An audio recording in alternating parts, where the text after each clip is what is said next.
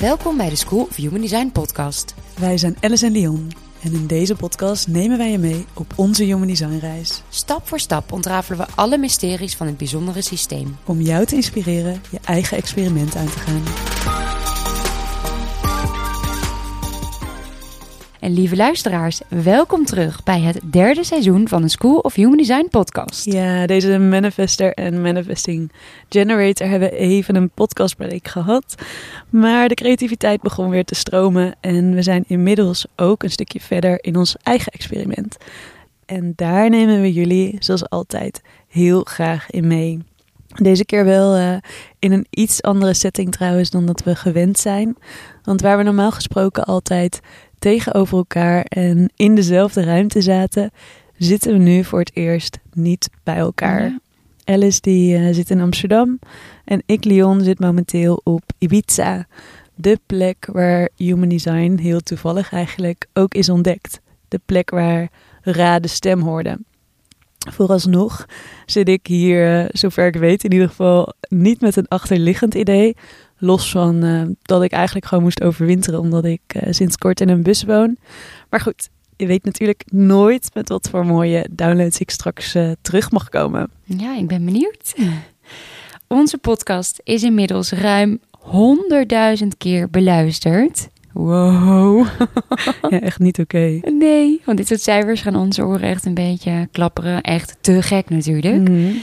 Daarnaast voegen we eind seizoen 2 om een donatie. Als je fan bent van onze podcast. En daarom willen we deze aflevering of dit seizoen eigenlijk een mega shout-out uitspreken naar iedereen die heeft gedoneerd. Dank je wel. Ja, dank je wel. Dank je wel. Hm. Ja.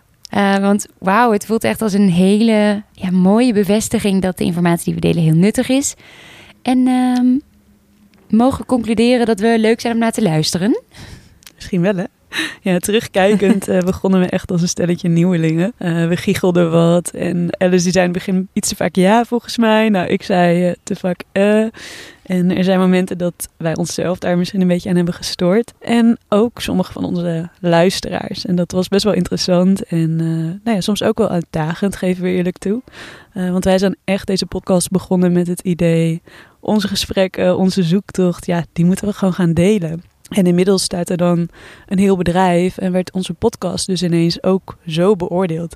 Dus we kregen bijvoorbeeld reacties van luisteraars over dat ons gelach niet professioneel zou zijn. En we hebben ons ook echt wel eens afgevraagd of we dat nu met nou ja, waar we dan nu staan ook niet anders moesten doen. Nee, zo hebben we zelfs op het punt gestaan om uh, de eerste aflevering opnieuw op te nemen. Ja, maar nu we seizoen 3 starten overheerst ook wel echt het gevoel, ja, we hebben het gewoon gedaan. We did it. Mm -hmm. En we hebben echt op onze eigen manier along the way superveel geleerd. We zijn denk ik ook een stuk beter geworden. Ja, en daarom zijn we ook heel blij dat jullie zijn gebleven.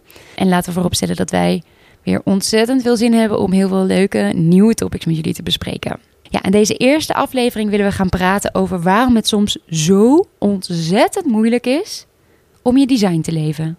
Ja, met de School of Human Design hameren we eigenlijk vanaf het begin al op het leven van je design. We proberen je met zoveel mogelijk kennis te voeden, je te inspireren. Maar de echte transformatie zit uiteindelijk in al die kennis vervolgens in de praktijk brengen. Dus echt gaan voelen wat het betekent om een bepaald type te zijn, om een bepaald profiel te hebben. Nou ja, wat doet een juiste omgeving? Uh, wat gebeurt er als je echt keuzes gaat maken met je autoriteit? Enzovoort, enzovoort ja, waar wij jaren geleden heel enthousiast en wellicht een beetje naïef begonnen met ons eigen uh, Human Design experiment. En natuurlijk mm, twee jaar geleden nu met ja. uh, het opnemen van onze podcast. Ja, zaten wij hele lange tijd nog echt in die Human Design rabbit hole. We wilden alles leren, alles weten en alles delen. Kijk, wij zijn begonnen met het schrijven van een e-book. We ontwikkelden een schriftelijk rapport. We schreven blogs. En in deze podcast delen we natuurlijk nou, vrijwel alles wat wij weten. Daarmee hebben we gelukkig heel veel van jullie kunnen inspireren. En heel veel mensen in beweging kunnen zetten. Wat ontzettend mooi is om te zien. Ja, en nu zitten we eigenlijk op een plek waar we zoveel meer weten dan toen, toen we net begonnen. We hebben eigenlijk zoveel meer te delen. En tegelijkertijd wordt dat delen ook steeds moeilijker. Dus om de juiste woorden bijvoorbeeld te vinden. Omdat het nu ook voor ons echt tijd is voor een diepere laag. Dus voor het echt belichamen. En ik heb daarin het afgelopen jaar heel vaak mezelf tegen mezelf horen zeggen practice what you preach, Leon. ja, zo hoorde ik in meditaties heel vaak de zin: You have to do the work. Ja, en zo is human design dus niet alleen maar alles over je design kennen, alles weten. Human design is leven. Het is rauw, het is diep, het is eerlijk. Het is soms confronterend, soms pijnlijk. Want hoe dieper je uiteindelijk in die mechanica duikt, hoe dichter je bij jezelf komt. En dat is soms heel mooi, soms heel licht. Maar op een gegeven moment kan dat ook donker worden. Want ook het donker hoort daarbij. Ja, en als jij denkt, donker. Wanneer je net in aanraking komt met Human Design, dan is het eigenlijk vaak een feest van herkenning. Want dan voelt het super licht. Eindelijk een systeem dat helder maakt wat jij van binnen eigenlijk al voelt. het helpt je om woorden te geven aan je interne belevingswereld. Eindelijk snap je waarom jij werkt zoals je werkt. En het woordje permissie komt in onze podcast best wel vaak terug. Want eindelijk kun je jezelf de permissie geven om te zijn wie jij bent. Deconditioneren ja, dat komt wel goed toch? En uh, wat oude patronen loslaten, andere keuzes maken. Ook ik dacht in het begin, hoe moeilijk kan het nou zijn? Ik herkende me zo in mijn design. Het zou toch alleen nog maar makkelijker, beter en leuker worden. Maar dit proces, ja, dat is toch een stuk moeilijker dan je denkt. Althans, dat was wel echt onze conclusie. Ja, want uh, al die kennis, hè, alles wat we weten en leren over ons design, dat gebeurt toch nog een beetje in ons hoofd. En wanneer we dingen vanuit ons hoofd benaderen, dan is het allemaal heel duidelijk. Hè? Dan is het zwart of het is wit, het is goed of het is fout. We kunnen het benoemen, we kunnen het verklaren, we kunnen nou begrijpen wat er gebeurt, we kunnen delen met anderen. Het is eigenlijk heel tastbaar, waardoor het als het ware ook een stukje houvast geeft. En hoe vaak we het ook hebben gehad over, ja, maar human design gaat niet over weten, het gaat over voelen, het gaat over leven. Maar wat dat in praktijk is, nou ja, daar kunnen we eigenlijk nu pas een beetje over meepraten. Ja, ik snap nu trouwens waarom Ra zegt dat dat deconditioneringsproces wel zeven jaar duurt. Ik weet oh dat, uh, ja, dat jij mij dit een tijdje geleden, nou twee jaar geleden ongeveer, denk ik, vertelde dat je dat had gelezen. En ik voelde zoveel weerstand hierbij. Want ik dacht, ja, ik ben al mijn hele leven bezig met persoonlijke ontwikkeling. Als manifesting generator werk ik super snel. Dag, die zeven jaar heb ik echt niet nodig. Maar eerlijk, nu mag ik hopen dat ik het binnen die zeven jaar bereik. Ja, ik heb uh, stiekem ook altijd gedacht dat ik uh, dat als manifester wel even sneller kon.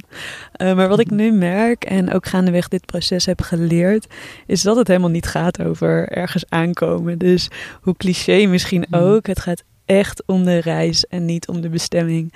En daarin moet ik wel zeggen dat daarin voor mij nu echt een nou ja, bepaalde rust en een overgave ligt, die ook heel fijn is. Dus ik kan ook echt zeggen oprecht van wat het ook losmaakt, hè, wat er ook gebeurt. Uiteindelijk is het het allemaal waard. Ja. ja, maar wat maakt dan dat leven van je design zo moeilijk? Je designleven, dat gaat niet alleen om de juiste dingen doen, maar het gaat ook om dingen niet doen of dingen niet meer doen. En hoe moeilijk of makkelijk dat gaat, ja, dat hangt van heel veel verschillende factoren af. Vorige week stelde een van onze klanten een vraag over uh, nature versus nurture, wat wel interessant is om even hier te delen. Want ze vroeg of wij in readings ook aandacht besteden aan ja, hoe iemand is opgevoed en wat iemand heeft meegemaakt. Uh, Human Design laat natuurlijk heel erg mooi zien wie je bent als je bent geboren. Maar daarna leef je een leven hè, in een bepaalde situatie, op een bepaalde plek, met bepaalde mensen. En in onze sessies is dat precies wat wij doen. Want wat als jij als projector in een gezin bent opgegroeid waar het draait om hard werken? Kijk, dan leer je dat je nu geen constante werkenergie hebt. Maar wat kun je daarmee in de praktijk? Ja, of als je, noem maar wat, bijvoorbeeld een uh, emotionele autoriteit hebt, maar er vroeger bijvoorbeeld nooit ruimte was voor emoties. En in één keer moet je dan gaan voelen en op basis van dat gevoel keuzes maken of onderbuikgevoel. Dat kan heel duidelijk een nee geven. Maar als je toch altijd hebt geleerd van dat je iets toch dan moet gaan doen, dan is het heel tegennatuurlijk in eerste instantie om dat in één keer om te draaien. Kijk, we gaan ervan uit dat de meeste ouders echt hun stinkende best doen om een gelukkig kind van jou te maken. Maar de kans is heel groot dat jij thuis of op school of nou ja, door de wereld in het algemeen toch bent geconditioneerd om de dingen anders te doen. Nou, of vooral hetzelfde als alle rest. Mhm. En dat wat je al die jaren leert, ja, dat leer je niet zomaar af. Zoiets leer je misschien wel nooit helemaal af. Wat ook betekent dat het misschien nooit lukt om helemaal 100% jouw design te leven. Trouwens, wel gelijk even goed om aan te stippen dat dat helemaal oké is. Um, want in onze maatschappij met zoveel regels, met zoveel verwachtingen, ja, is volledig je designleven misschien wel een beetje een utopie? Ja, ik zie dat een beetje als een uh, staat van verlicht zijn. Dus iets wat misschien niet helemaal 100% is uitgesloten. Maar we mogen ervan uitgaan dat, um, niets ten nadele van jullie, maar dat de meeste luisteraars en wij ook zelf dat uh, in dit leven niet gaan halen. En we hebben heel veel inmiddels middelen en manieren om te helen of los te komen eigenlijk van onze conditioneringen. Dus denk aan uh, reizen met plantmedicijnen, familieopstellingen, andere therapie- of coaching sessies. Maar wat je in praktijk vaak ziet, is dat je iets op een gegeven moment op een bepaalde laag gaat helen. Maar dat het bijvoorbeeld een hele tijd later op een andere laag, in een andere setting, toch weer terugkomt. En het is dan vaak veel subtieler, de scherpe randjes gaan er een beetje af. Maar het laat ons ook nog steeds een klein beetje heen en weer slingeren. Dus toch vanuit de hoop die we ergens in ons hoofd hebben gecreëerd, dat we dan nu echt helemaal klaar zijn, helemaal af zijn, helemaal heel zijn. Hè? Dus nu gaan we nooit meer terugvallen. Komen we dan toch weer in die pijn of in die teleurstelling, omdat we dan toch helaas weer niet perfect blijken te zijn. En in die zin gaat perfectie voor ons veel minder over dat je nou ja, bepaalde dingen niet meer tegen gaat komen. Hè, dat ze wel of niet meer gebeuren. Maar veel meer over hey, hoe ga je er nou mee om als het wel weer gebeurt. Hè, los van al die goede intenties die je had. Los van dat je zo je best hebt gedaan. Dan ineens toch gewoon weer mens blijkt te zijn. Ja, en daarbij, hè, wat is eigenlijk 100% je designleven? Voor ons gaat het niet over nooit meer iets doen wat niet bij je design past. Maar het gaat veel meer om het, ja, het onderliggende weten zodat je weet wanneer je weer in je hoofd gaat zitten. Of wanneer je keuzes gaat maken met je hoofd. Of dat je voelt wanneer je uit alignment gaat. Um, Design helpt je ook om sneller de weg terug te vinden. En in het begin heb je daar je design, je bodygraph heel erg voor nodig. Maar op een gegeven moment ja, ga je Human Design zo belichamen dat het echt vanzelf gaat. Dat je er niet meer over na hoeft te denken. Dus wat als jij klaar bent om je design echt te gaan embodyen? Hè, zoals dat zo mooi wordt genoemd, om echt dat te, gaan belichamen. Om echt te gaan voelen, te doorvoelen. Wat staat je dan te wachten? Ja, dat is um, een kwestie van diep duiken. Dus je gaat dan diep je onderbewustzijn in. En dat betekent dus ook gaan naar daar waar het donker is. Dus overal waar je al die tijd niet naartoe wilde. Naar de verlangens die je misschien ergens hebt, maar eigenlijk nooit echt durfde te ownen. Naar de leegte in onszelf, die we allemaal delen, maar waar we ook het liefste heel hard van weg willen bewegen. Ja, naar de ruimte in jezelf, waarin je gewoon bent, waarin je bestaat, ook zonder dat het misschien sens maakt. En dat gaat echt over durven zijn. En juist omdat we precies dat, dat gevoel van niet weten willen voorkomen. En omdat we eigenlijk zo bang zijn voor ons eigen donker, blijven we constant in beweging. Dus we willen altijd meer, altijd sneller, altijd door naar het volgende. En dat is eigenlijk precies de plek of de, het moment waarop we van onszelf wegbewegen. Maar het mooie is dat precies daar, hè, dus als je dat durft, als je dat durft toe te laten, dat is de plek waar uiteindelijk het goud ligt. Want dit, zo diep in je onderbewustzijn, dat is de plek waar je afgestemd bent eigenlijk op de creatieve energie, op jouw levensenergie. En dat is de voedingsbron van alle creatie, alle joy, alles wat wij uh, magie noemen. En ja, magie is eigenlijk een natuurlijke staat waarin je bent. Je kunt het een beetje vergelijken met uh, flow staat. Dus wanneer je in flow zit, dan gaan de dingen gewoon vanzelf. Dan klopt alles, dan is het licht. Ja, dan stroomt het leven als het ware door je heen. En dat is een staat die de meeste mensen bij momenten of af en toe kennen. En hoe meer je dus eigenlijk dat donker in jezelf gaat aankijken en gaat opruimen, hoe meer ruimte er letterlijk komt om inderdaad dat leven door je heen te laten stromen. Dus om in die flow met die wind in je rug en dus ook hoe meer licht er weer komt. Maar goed, voordat het zover is, is er vaak eerst nog even wat werk aan de winkel. Helaas. Ja, en dat begint met vertragen. Ik dacht bijvoorbeeld dat ik wel wist wat het was om een manifesting generator te zijn. Ik leefde, vond ik, ook voordat ik met Human Design in aanraking kwam, eigenlijk al jaren met de manifesting generator energie. ik hopte van project naar project, ik had verschillende passies en ik wist gewoon heel goed gas geven, crashen, rusten en weer doorgaan. Zo was mijn cyclus. Op een bepaald moment vertelde mijn Human Design business coach je moet niet zo hard crashen, Alice. Want blijkbaar was het toch niet normaal dat ik na een project volledig instortte, omdat ik dan even alles had gegeven. Dit is een valkuil, want mijn manifesterkant die houdt heel erg van die crash. Terwijl mijn generatorkant, ja, die wil de energie eigenlijk liever wat gedoseerder inzetten. Ik moet ook zeggen, destijds was het hele manifesting generator energie eigenlijk ook nog best wel een concept. Weet je, ik had ooit een grafiek op in een boek gezien, dus dan kan je zien hoe je energiecurve loopt. Um, maar ik had eigenlijk toch nog niet echt doorvoeld wat het is om met deze energie te werken. Nou, ik besloot toen om te gaan experimenteren. Ik probeerde meer als een generator te leven in eerste instantie. Ik dacht niet meer van die hoge pieken en dalen. Hè? Dat schijnt niet goed voor mij te zijn. Maar ook die, ja, alleen die generator kant leven, dat werkte ook niet. Want waar mijn manifester kant mij bijna een burn-out bezorgde, zorgde mijn generator kant eigenlijk meer voor een bore-out. Kijk, in al die tijd probeerde ik heel erg met mijn hoofd te bedenken wat ik moest doen. Of ik probeerde, ik liet me door anderen inspireren om mijn leven anders te gaan indelen. Terwijl je moet echt gaan voelen hoe je energie werkt. Je moet eigenlijk niet van tevoren bepalen hoe dat eruit gaat zien. Je moet eigenlijk je lijf achterna gaan en echt gaan achterhalen waar heeft mijn lichaam behoefte aan. Ja, nu denken waarschijnlijk heel veel mensen van oké, leuk, ik moet gaan voelen. Maar ja, wat als je dat niet voelt? Hè? Hoe begin je daar dan mee? Want als we zo lang gewend zijn om, wat je mooi zegt, inderdaad het vanuit ons hoofd te benaderen, ja, dan is het ook best wel lastig om in één keer die stap naar lichaamsbewustzijn, naar het voelen te maken. Nou ja, een belangrijke eerste stap die we daarin willen delen is vertragen. Daarom begint het Human Design experiment ook voor iedereen met oefenen met je strategie en met je autoriteit. Daarmee ga je namelijk selectiever worden. En juist door selectiever te zijn in wat je wel doet en ook wat vaker dus nee te zeggen en wat minder ook uh, te doen, daarmee precies creëer je ruimte om een stapje terug te doen. En in die ruimte, daar kun je gaan voelen. Ja, precies. Als manifesting generator heb je bijvoorbeeld superveel energie, meeste van alle energietypes, waardoor je denkt dat je alles aan kunt. Maar ja, besef, je hoeft niet alles te doen. Dus in Human Design leerde ik heel erg om keuzes te maken met mijn sacral, met mijn onderbuikgevoel. Ik ging vaker nee zeggen. Dat was niet makkelijk. Echt heel vaak voelde ik ja, de drang om, om het toch maar te doen. En je, en je bent bang dat je dingen mist. Maar ik leerde echt vaker nee zeggen. En langzamerhand voelde ik dat ik steeds meer tijd overhield. Dat er steeds minder ruis was. En daardoor ging ik ineens een beweging in mijn lichaam voelen.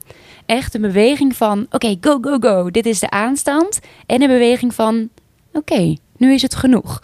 Niet de boze, nu is het genoeg, ik wil niet meer. Die heb ik ook heel vaak gevoeld. Maar als je dat vanuit rust voelt, dan voel je een, ja, eigenlijk een hele zachte energie die zegt: ja, enough is enough. En dat gevoel van: nu is het genoeg. Dat kreeg ik heel grappig, eigenlijk al voordat ik een project afronde dus ik zat eigenlijk nog midden in, in een project en ineens voelde ik dat mijn lichaam dacht: ja, dit is het. Ik heb niet meer zoveel meer energie. En op wilskracht kon ik altijd door. Zo heb ik het altijd onbewust gedaan. Maar door te vertragen kon ik ineens voelen wanneer mijn energietank eigenlijk leeg is.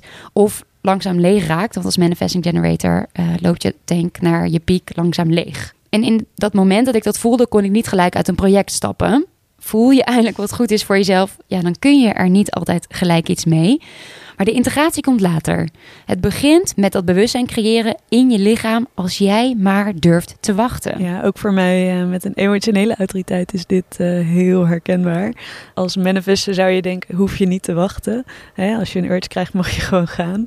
Alleen is er echt wel een heel duidelijk verschil tussen een urge en nou ja, een emotioneel emotionele impuls, ingeving, een verlangen eigenlijk. En dus voor mij ook kwam echt het verschil toen ik durfde te wachten. Dus wachten tot ik die misschien wel laatste trein had gemist, want zo voelde het vaak. Als je in emotie zit, heeft alles haast, moet alles nu. Maar nu weet ik, er komt eigenlijk altijd wel weer een nieuwe kans. Er komt altijd weer iets nieuws, ook al zie je dat in het moment misschien even niet. Nee. Ja, en wat maakt dit alles nou ja, extra moeilijk, daar komt een stukje loslaten bij kijken. Want jij komt in dit proces echt jezelf tegen. Alles wat je over jezelf en het leven dacht, wat je verwacht, of ook wat je denkt dat anderen van je denken of verwachten. Kijk, leuk dat ik voel hoe het is om een manifesting generator te zijn. Maar ik werd ook heel erg geconfronteerd met negatieve gedachten daarbij. Ik moet toch bezig blijven. Je kunt niet zomaar stoppen als je energie op is. Je moet één pad en één passie kiezen. Ehm, ik vond mezelf vaak veel te snel en daardoor te slordig. Ik maakte veel fouten. Oh ja, je kan niet alleen maar dingen doen waar je blij van wordt. dat geldt voor mijn type, maar ook voor alle generators. Je moet overal bovenop zitten. Je kunt niet maar een beetje afwachten. Ja, en hier komt heel veel boosheid en frustratie naar boven. Omdat ik erachter kwam dat ik eigenlijk toch al heel lang niet echt mijn design heb geleefd. En dat voelt een tijdje best wel zwaar en donker. Ik wilde veranderen, maar ik wist niet hoe. En ik voelde een angst. Want wat als ik ga proberen toe te passen in mijn leven wat ik nu heb geleerd door Human Design? Hoe zorg ik ervoor dat anderen mij dan ook accepteren voor wie ik ben? want als jij verandert, dan heeft dat uiteraard ook invloed op uh, ja, de mensen om je heen. En dat is ook precies wat dit uh, proces soms zo zwaar maakt. Uh, er is altijd een reden waarom we nou ja, niet ons design leven of iets niet doen. En als we dat in één keer wel gaan doen, dan betekent het een verandering. En daarmee dus ook soms bijvoorbeeld afscheid nemen, of misschien tijdelijk afscheid nemen, van mensen om je heen die nou ja, die nieuwe jij eigenlijk niet begrijpen of die dan niet meer passen bij jouw energie. Want enerzijds willen de mensen om ons heen eigenlijk altijd dat we veranderen, de beste versie van onszelf worden. En anderzijds, als we dat dan gaan doen, dan komt er ook toch een stukje nou ja, angst, misschien controle bij. En dan proberen ze niet vanuit een verkeerde intentie, maar dan proberen ze ons toch ook een beetje te houden uh, zoals we zijn of al die tijd zijn geweest, omdat ze ook bang zijn om ons te verliezen. En ik moet heel eerlijk zeggen dat ik ehm, nou ja, soms ook bewust wel afstand heb genomen. En dat komt denk ik in mijn geval ook een beetje door mijn open G-center, Center van Identiteit. Voor mij voelt echt letterlijk afstand nemen soms ook als de enige manier om echt bij mezelf te blijven. Echt in mijn eigen energie te blijven. En dus niet constant een stukje nou ja, in te blenden eigenlijk met, met de mensen om mij heen. Maar waar ik tegelijkertijd wel achter kwam, is dat daardoor dit proces ook heel erg eenzaam kunt zijn. En dat je jezelf daarin ook op momenten heel erg alleen kunt voelen. En als je zo diep in jezelf aan het duiken bent, dan uh, zit je ook echt op een plek waarvanuit je, nou helemaal als je dat niet gewend bent, best wel moeilijk verbinding kunt maken. Dus we zijn het heel erg gewend om naar buiten toe een beetje onze sociale kant te laten zien. Hè? Onze vrolijke en uh, gewenste zelf te zijn. En wanneer we ook toch dingen meer vanuit ons hoofd doen, dan is het heel makkelijk om onder woorden te brengen wat we aan het doen zijn, wat er gebeurt. En dan kunnen we dat ook makkelijk delen met anderen. En juist wanneer je zo aan het afdalen bent en aan het voelen bent, dan wordt ook dat stukje in één keer moeilijk. Ja, en nu hebben wij dat natuurlijk met elkaar wel echt geprobeerd. Dat is het fijne aan uh, samen een uh, human design business hebben. Mm. We zijn ongeveer op hetzelfde moment gestart en we gaan samen door allerlei processen heen. En dan nog ook wij, hoeveel steun we ook hebben aan elkaar. Mhm. Ehm, en hoe, hoe, we kunnen klankborden en bij elkaar kunnen inchecken. Ja, ook wij doen dit proces uiteindelijk in ons eentje. En dat is soms gewoon echt fucking zwaar. Ja, en dat is ook soms ook precies wat er nodig is. Dus we hebben ook inderdaad wel vaker tegen elkaar gezegd van ja, weet je, ik moet er even doorheen, ik moet het even voelen en ik kan niet eens, ik heb er geen woorden voor wat het, wat het is. Ja. En nou ja, dan laat je elkaar daarin, maar soms ja, wil je ook de ander helpen, maar dan kan dat ook gewoon even niet. Even niet, nee. Ja, en uh, naast deze individuele processen en uh, transformaties gebeurt er natuurlijk ook ontzettend veel in de wereld. En ook dat heeft vervolgens weer uh, invloed op jou. Ja, corona heeft de verschuiving naar een emotioneel bewustzijn eigenlijk ja, in best wel een stroomversnelling gebracht. Mocht je onze podcast hierover nog niet hebben gehoord, dat is echt een aanrader. Er gebeurt kosmisch gezien gewoon ontzettend veel op dit moment collectief voelen we dat de, de zekerheid en houvast die we jarenlang kenden en die we heel erg buiten onszelf vonden, ja, dat dat steeds meer wegvalt. Want oude systemen lijken niet meer te werken, mensen komen steeds meer in opstand. We voelen dat dit, de manier van leven, hè, zoals het nu is, dat dit het niet meer is. Dat dat wat altijd heeft gewerkt, ja, dat het ineens niet meer zo goed werkt. Maar we zien ook nog niet zo goed waar dit dan naartoe gaat of wat er dan nodig is. Ja, voor mij uh, voelde het daardoor soms uh, echt alsof ik uh, in een soort draaikok zat. Dus ik werd een beetje een soort van heen en weer geslingerd. Een soort kosmische wasmachine die een beetje zijn eigen gang ging. Mm. En waarin ik heel erg voelde van, ja, we worden nu collectief heel erg uitgedaagd om alles waar we ons nog vasthouden, waar we houvast zoeken, een stukje controle daarin, buiten onszelf en, en in onze mind, om dat los te laten. Dus dat we echt een duwtje in de rug krijgen om versneld, als het ware, ons design te gaan leven. En soms is daarin gewoon de enige optie om even alles uit handen te laten vallen. Even niks te doen, niks te hoeven weten, geen keuzes te maken. En gewoon even nou ja, deze ride af te wachten. En ja, te wachten tot het als het ware weer rustig wordt om ons heen. Ja, en wat jij in de tussentijd mag doen, ook echt een hele belangrijke stap in dit proces, dat is opruimen, dat is ruimte maken. Ja, nou daar heb ik uh, het afgelopen jaar ook wel een portie uh, van gehad. Uh, ik heb daarin heel erg gevoeld hoe het stiekem ook voor mij nog steeds een coping was om de dingen te relativeren, te rationaliseren, om ze wat mooier, wat positiever te maken daarmee ook een stukje te dissociëren. Dus als het ware afstand te nemen van mijn lichaam. Dus om zodra ik me onveilig voelde ergens, zodra er een negatieve emotie kwam, om dan plop, zomaar niet in mijn lichaam te blijven, maar eigenlijk omhoog te mm. schieten. Dus naar mijn hoofd om te verklaren wat er gebeurt, te begrijpen wat er gebeurt. Nou ja, daar is Human Design de perfecte tool voor. Alleen op een gegeven moment besefte ik me van, oh maar wacht, dit is ook niet helemaal hoe het de bedoeling is. Uh, en daarom maakte ik begin dit jaar met mezelf de afspraak om te blijven. Dus wat er ook komt, ik ga blijven. Ik ga in mijn lichaam blijven. En ik ga alles voelen wat ik ooit niet heb willen voelen. Ja, want dat is precies wat het leven van je design ja, eigenlijk zo moeilijk maakt. Ze zeggen vaak dat je lichaam een tempel is. Jij vertelde mij dit voorbeeld van een week. Maar als je die tempel lange tijd niet hebt bezocht, dan ligt er een dikke laag stof op de vloer. Waar je wel eerst doorheen moet. Kijk, je denkt in het begin, oh, maar daar stap ik toch gewoon een beetje overheen. Maar als jij een licht systeem wil, een schoon systeem, ja, dan moet je toch eerst door het stof. Dus je moet al die onverwerkte emoties, al die, die trauma's, al die overtuigingen, ja, die moeten plaats gaan maken voor hè, dat nieuwe. En alles wat je niet verwerkt, helaas, dat verdwijnt gewoon niet zomaar. Dat zetten we vast in ons lichaam. Daarom zeggen ze ook niet voor niets: Your body keeps the score. Ja, dat, ehm, dat heb ik geweten. Ik um, was afgelopen winter in uh, Guatemala. En daar deed ik een Mayan abdominal massage cursus. Eigenlijk gewoon heel naïef met het idee om daar eigenlijk mijn massages mee uh, uit te breiden. Niet wetende hoeveel even onerbiedig shit daar voor mij ook nog uh, lag mhm. opgeslagen. Want onze buik is echt de plek waar alles dus inderdaad wat we niet verwerken wordt opgeslagen.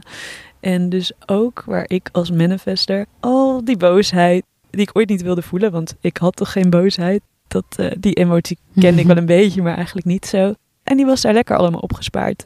Ja, en als je dan zo uh, die boosheid gaat voelen en als je daar helemaal bij gaat blijven, nou, dan snap je ook gelijk waarom je dat al die tijd niet wilde voelen. Want het is ook gewoon echt donker. En er zijn best wel momenten geweest dat ik dacht dat er gewoon nooit meer een einde aan kwam.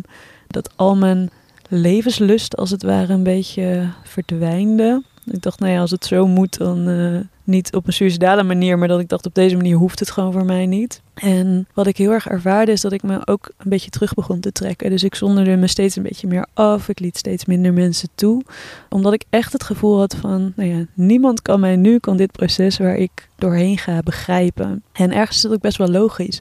Want die boosheid, die negatieve emoties, ik had mezelf ook echt geleerd dat die er niet mochten zijn. En dus mocht ik er zelf op die momenten dat ik die emoties had van mezelf ook niet zijn. Dat was niet leuk, maar ook deze pijn, dit helemaal doorvoelen, was op dat moment wat er nodig was. Dus omdat ik zo lang met mijn energie lekker daarbovenin had gezweefd. En als ik dan dat visueel maak, dan zie ik ook zo die bodychart vormen. Dat echt die energie bovenin is, hè, in mijn hoofd, waarin ik alles altijd leuker en mooier kon maken. Ja, het was nu ook gewoon nodig om echt die andere kant, dus echt de donkere kant in mij, om die helemaal te doorvoelen.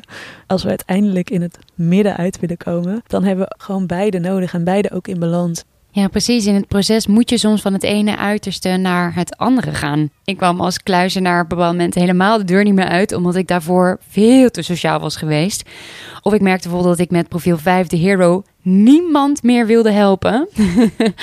Omdat ik daarvoor juist te veel mensen had geholpen zonder af te stemmen met mijn strategie en autoriteit. Oh, wat ook nog kan gebeuren is dat je ineens een soort slachtoffer wordt van je eigen kwaliteiten. Een leuk voorbeeld, ik heb het kanaal van uh, Struggle. En ineens kwam ik online de laatste tijd heel veel mensen tegen die daarmee struggelden. Ik niet, nee hoor. Ik wist wel uh, dat mijn uh, levenslessen niet zonder slag of stoot naar me toe kwamen. Ik wist wel dat ik struggle nodig had om mijn lessen te leren en dat als iets te soepel verliep, dan vond ik er geen uitdaging in, geen joy. En dus enthousiast reageerde ik op al die mensen met bemoedigende woorden en een uitleg, waardoor struggle echt voelde als een kracht in plaats van een zwakte. Iedereen reageerde daar echt ook heel fijn op. Ze vonden mijn woorden zo fijn en dat zette hun echt in hun kracht. Maar toen ik vervolgens weer zo struggle heen ging, vergat ik alle lessen die ik had geleerd.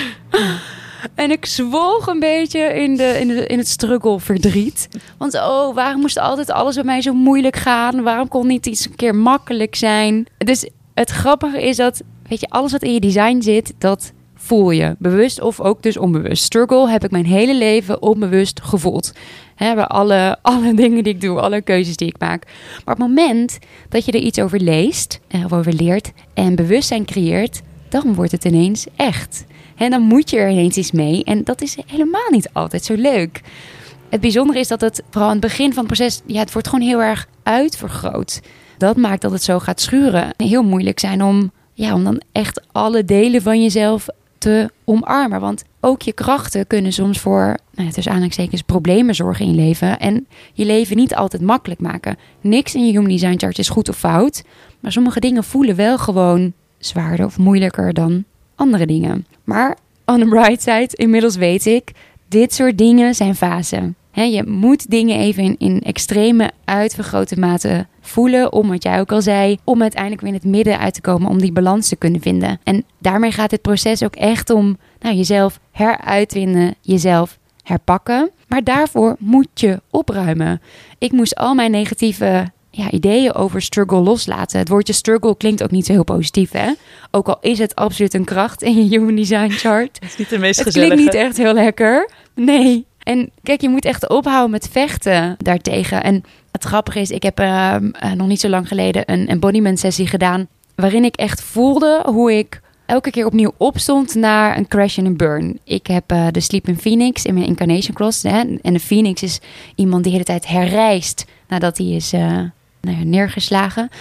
En ik voelde heel erg, oh ja, dit is wat er met die struggle gebeurt, weet je. Je hebt het gevoel dat je een beetje wordt neergeslagen, maar jij bent gemaakt om de hele tijd weer op te staan. Om de hele tijd weer opnieuw de dingen te gaan proberen. En dat is niet slecht, dat is gewoon precies hoe het moet zijn. Ja, dat is mooi inderdaad hoe je dat zegt. Want als ik die Phoenix zo zie, om te herreizen moet je dus ook soms eerst even nou ja, naar beneden gaan, wilde ik zeggen. Maar het is wel heel erg cyclisch. Ja, ja soms crashen. Dat was ook in de natuur natuurlijk. Het is nu herfst. Ja, dat blad moet eerst weer van de bomen afvallen. En het moet eerst winter worden. En dat is ook een periode van rust. Dus wanneer we altijd in de zomer altijd aan en altijd naar buiten blijven...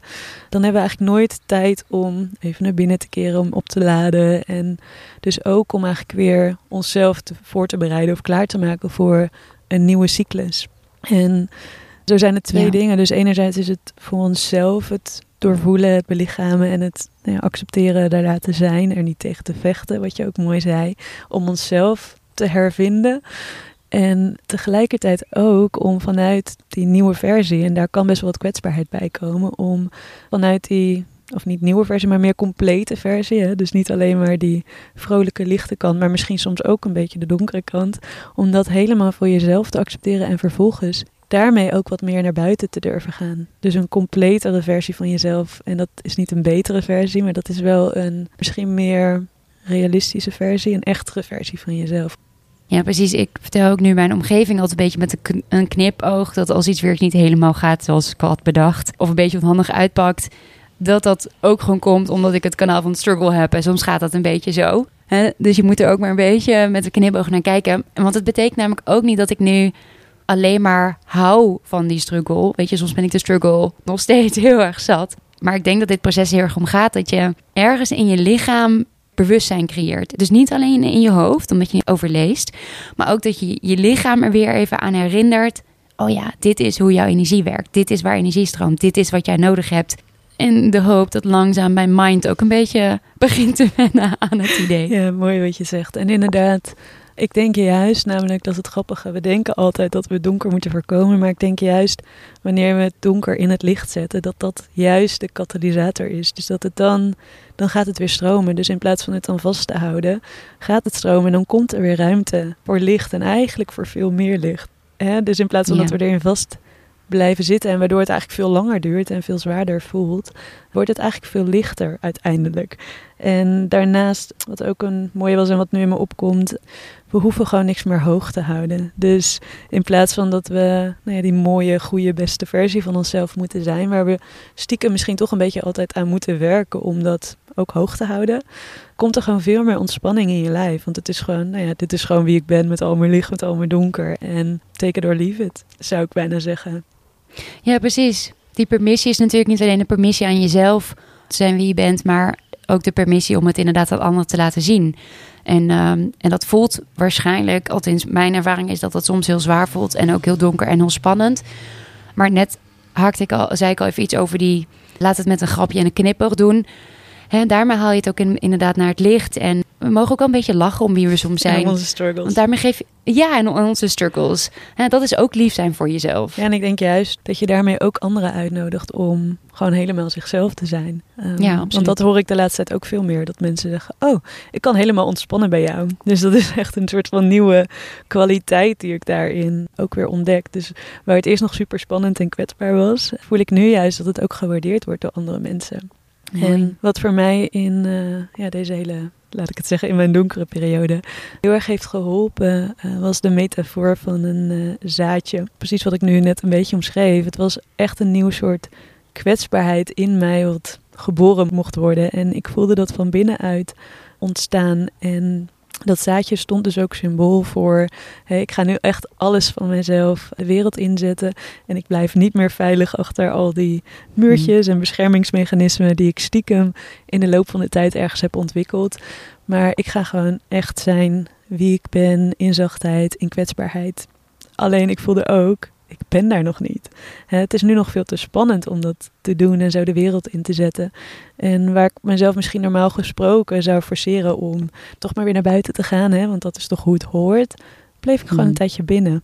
En hoe ik dat voor me zag, was dat ik daar diep onder de grond zo zat. En dat dat ook veilig was op een bepaalde manier. Dus dat juist mijn kokonnetje eigenlijk, hè, die grond die ik om me heen had, dat dat er niet was om dat het niet een zware deken was die over me heen lag, maar dat was juist eigenlijk een soort van veilige grond waarin ik ook even niks hoefde, waarin ik niet van mezelf allemaal dingen hoefde te verwachten. En ik zag ook zo echt voor me van, oh ja, maar ik ben ook nog te klein en te bereikbaar eigenlijk voor die boze buitenwereld. En ook al voelde dat soms donker en alleen en was ik een beetje afgesloten van alle liefde, levendigheid, waarvan ik wist dat die ergens boven de grond zat. Maar ik wist ook, als ik nu ga, dan ga ik het niet redden. Want dan ga ik inderdaad vanuit die onveiligheid toch weer terugvallen in oude patronen. Ja, door bijvoorbeeld op zoek te gaan naar dingen waardoor jij je weer goed gaat voelen. Zonder dat je daarmee eigenlijk echt de kern van het probleem aanpakt. Wat we bijvoorbeeld heel vaak zien is dat generators extra hard gaan werken of meteen doorgaan naar een volgend project. Of projectors die leggen heel erg de focus op een ander, gaan andere mensen helpen zodat ze maar niet met zichzelf hoeven bezig te zijn. Of manifestors die maken zich ook klein en gaan bijvoorbeeld pleasen. Ja, die herken ik wel. Het is echt een manier waarop we bij onszelf wegbewegen. Eigenlijk met als doel om onszelf of onze omgeving als het ware veilig te houden.